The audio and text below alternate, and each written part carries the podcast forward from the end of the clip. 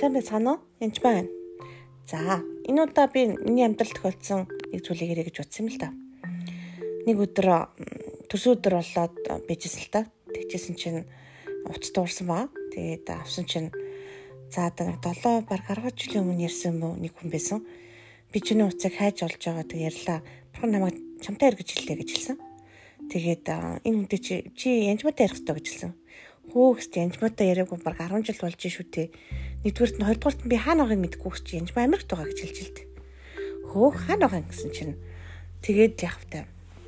Хуучин хүмүүс сандаг хүмүүс руугаа залгаад янжмааг уцыг өгөөч гэд тэгсэр гад явж л тээ. Тэгээд нэмхтээ нөхөр нас урсан ганц би а хүүхдүүдтэй амьдардаг. Тэгээд хуучин бас нэлийн том компани захирал байсан. Тэгээд хүний нөөц албаны дараа гаж захирал болсон тийм хүн байдаг.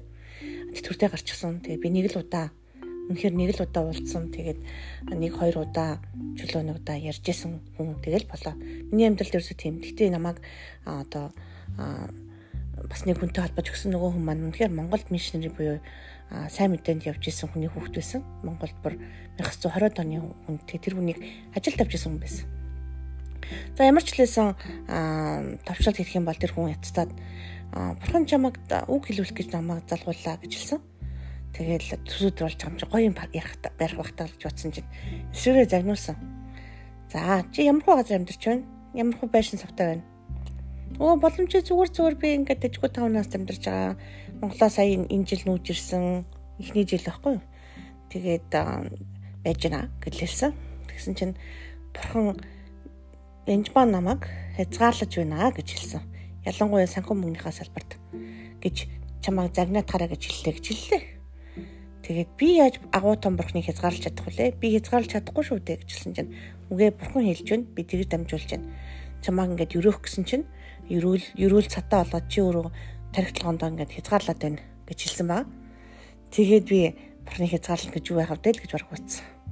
Тэгээд нэвтэйхэн шиг ярьж байгаа туцаа тавьсан л та. Тэгжсэн гинт энэ яг юу хэлв?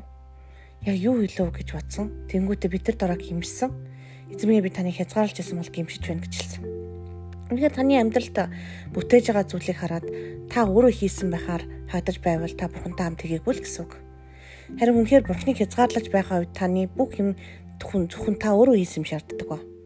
Харин бурхныг хязгаарлахгүй байх үед за би нэг чизэж хийж чадахгүй байсан да үнэхээр бурхан хийсэн шүү гэж хэлэхээр амьдрдаа гэсэн үг.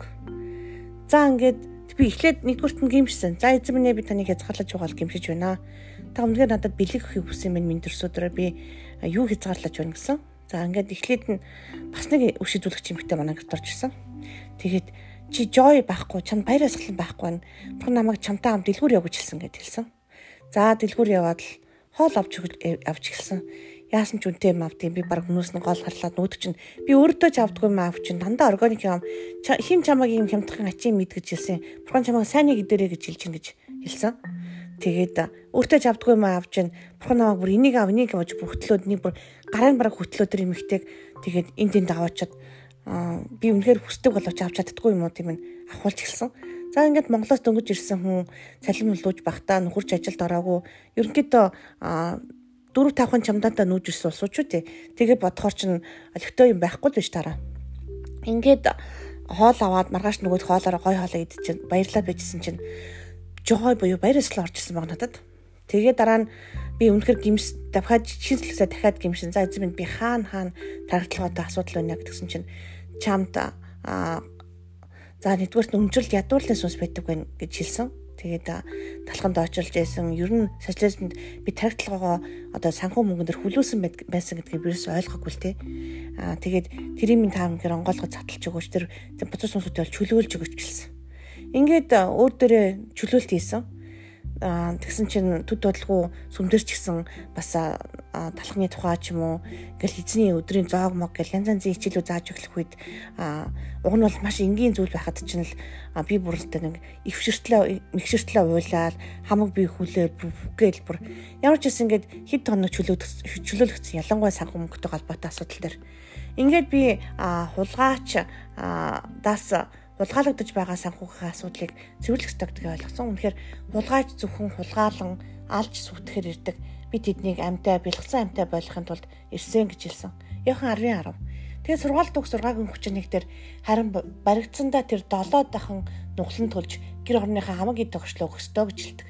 Тэр үнэхээр миний амьдралд байгаа хулгайч чи зайл гэж би хөөсөн байгаа. Назарын Есүс Христийн нэрээр миний санхүү мөнгнөөс чи хулгайч чи зайл гараа ав гэж хэлсэн ба. Гэр хулгаалагдсан бүх зүйлээ чи 7 дахин нугалж төлөөрөө гэж хэлсэн баг. Тэгэд эзийг эрүүлийг хааж байгаа тэр бүх юмдаа бүх тэр бодол санаа хүлээцүүдээ бүгдийг би авч хайж ин эзэм нь үнэхээр тэр тасар татж хариуцны галаар шатааж ин цэвэрлж өгөөч гэж хэлсэн баг. Ингээд аялал эхэлсэн тэрнээс хойш би 2 жилийн дотор 2 байшин авсан амьдрах жоронг байхгүй энэ тэнд хөөгдөж явсан байшин маань зарагдаж марагтаал тэгэл ерөнхийдөө түрээсээс гар гэл түрээс нь байх чинь бас амархан биш шүү дээ хэцүү байсан болвол тэр бүх асуудлаасаа гарсан а цалиндар ч гэсэн цалингаараа яаж хүрэх вэ гэж боддог байсан бол бурхан хангадаг юм байна гэдгийг ойлгодог болж эхэлсэн.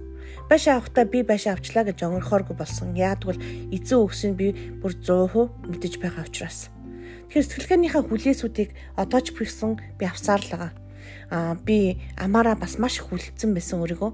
Тэрийг бас мэдсэн. Тэгэхээр таны амьдралд хийдэж байгаа зүйлийг та бурхантай хамт хийх юм бол би бишээ бурхан хийсэн гэдгийг мэдэх болно. Харин өөрөө байдаг чадлаараа гүрийж байгаад мэдээд хийчих юм бол үнэхээр би энэ чинь өөрөө хийсэн шүү дээ гэдэл өнгөрч эхлэх болно тэр эзэнтэй хамт хийсэн бүх зүйл гайхамшигтай байдаг. Ялангуяа та санхүү мөнгөн дээр бас итгээрэй. Янз бүрийн хүлээс байвал ялангуяа сэтгэлгээнийхээ хүлээсийг авч хайраа гэж хэлмээр байна. Эзэн бол хангагч. Үнэхээр хангагч таны бүх хөрөнгө 100% Бурхны гэдгийг бүү мартаараа та зүгээр л сайн нэрв байх тун. Хааш нь хинд өгөх, хааш нь хинд хуваарлахыг эзнээс асууж мэдэрээ. Эзэн хайртай хүмүүстээ хамгийн сайныг бэлдсэн байдаг шүү. Тэгээд үнэхээр сэтгэлгээнээс ядуурлаас хурдан салаараа гэж хэлмээр байна. Тэгээд тулгаачийг бас гөгрөө гэр орноосоо, тархитлаганоосоо, оюун бодлоосоо, сэтгэл санаа, эд мөнгнөөсөө, банк санхугаас бүгднгээс нь Назарын Есүс нэрээр хулгаач чи зайл гэж хийгээрэй. Хөөгөрөө Назарын Есүс Христийн нэрээр бүх балдар нь эзэн байх болтугай. Баярлалаа. Тэг мөнгө санхүүн дээр 100% бити одоо гэдгийг одоо удирдуулаараа бурхнаар харин удирдуулаараа. Баярлалаа.